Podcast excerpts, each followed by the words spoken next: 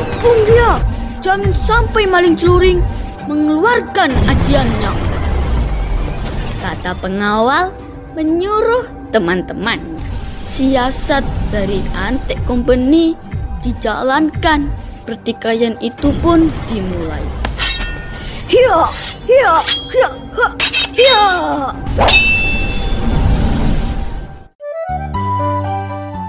Dongeng pilihan orang tua.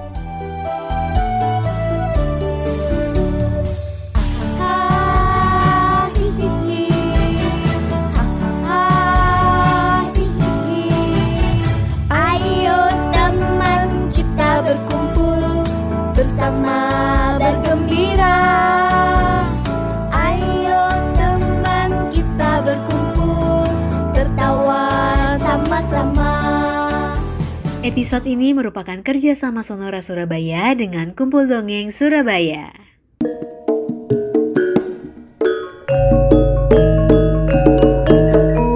Maling celuring namanya.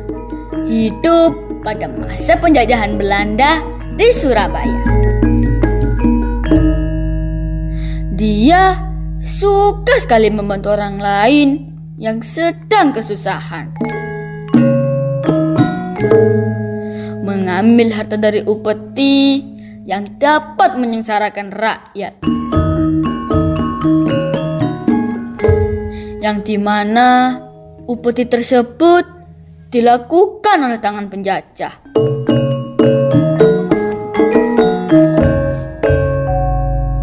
Sudah waktunya membayar pajak, kata ante-ante Belanda.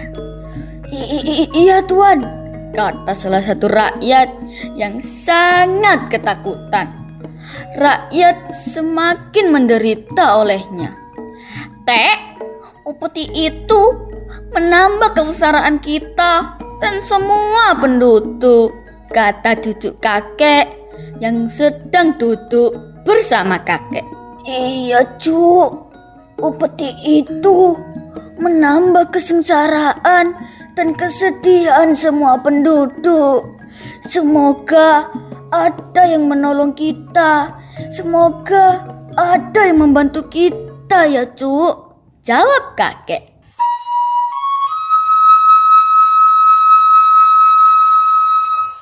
Kesedihan para penduduk karena perbuatan yang dilakukan para kompeni Belanda. Mereka berharap ada yang membantunya. Beberapa waktu kemudian, maling celuring membantunya dengan cara mengambil harta upeti yang dirampas oleh Belanda.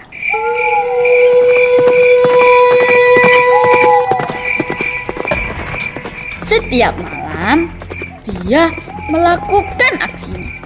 Aksinya itu berjalan sangat lancar, sehingga para antek company Belanda menjadi sangat marah. Siapakah yang mencuri harta-harta kita? Pengawal, coba cari tahu. Berani sekali dia, kata pejabat Belanda memerintahkan pengawalnya.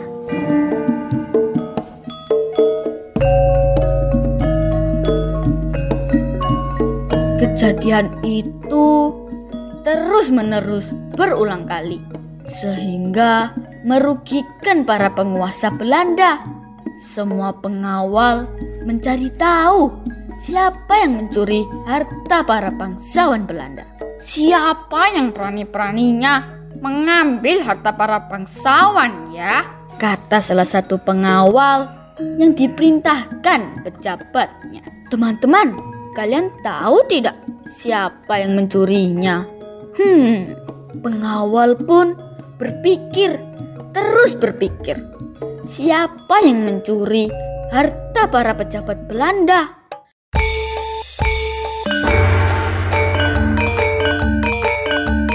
Selang beberapa waktu kemudian, datanglah pengawal Belanda mengabarkan bahwa yang mencuri selama ini adalah maling celuri. Saat itu, para pengawal Belanda tidak sengaja melihat maling celuring memberikan sebuah benda kepada salah satu penduduk.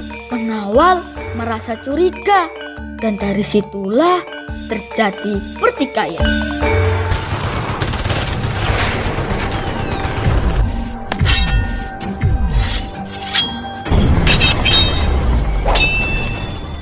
Pengawal Belanda melukai tangan maling celuring dengan benda tajam, pengawal Belanda sangat kaget karena tangan maling celuring tidak dapat dilukai oleh senjata tajam. Maling celuring adalah orang yang sakti, memiliki ajian ilmu rawa rontek atau baca son. Bumi konjang ganjing. Langit padang dadi petang. Ajian Pancasona. Hiya!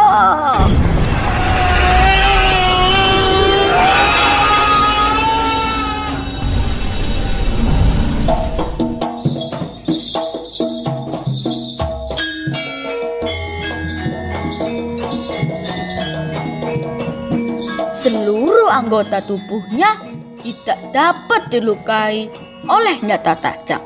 Komandan, lapor. Yang mencuri harta-harta kita adalah maling celuri. Dia adalah orang yang sakti. Tubuhnya tidak dapat dilukai oleh senjata tajam. Kata pengawal, kita harus berusaha menaklukkan orang itu agar kita tidak rugi lagi. Cepat cari dia dan tangkaplah. Jawab komandan yang sangat marah. Belanda tetap berusaha dan tidak menyerah untuk mencari kelemahan si maling celuring yang sakti itu. Karena kegigihan para kompeni Belanda, akhirnya mereka menemukan kelemahannya, yaitu dengan memisahkan jasadnya menjadi tiga bagian. Maling celuring saat itu lengah. Saat itulah para pengawal menangkapnya. Kepung dia! Jangan sampai maling celuring mengeluarkan ajiannya. Kata pengawal menyuruh teman-temannya. Siasat dari Antek Company dijalankan. Pertikaian itu pun dimulai. Hiya, hiya, hiya, hiya. Karena kelemahannya, maling celuring pun menjadi gugur. Jasadnya dipisah, dibagi menjadi tiga bagian.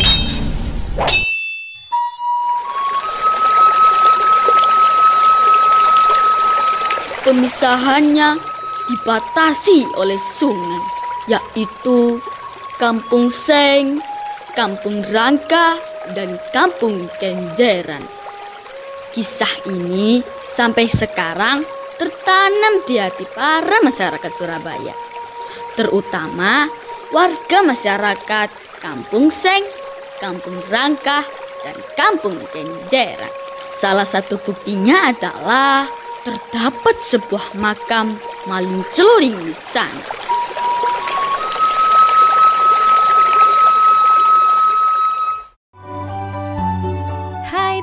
Teman-teman, terima kasih sudah mendengarkan dongeng pilihan orang tua.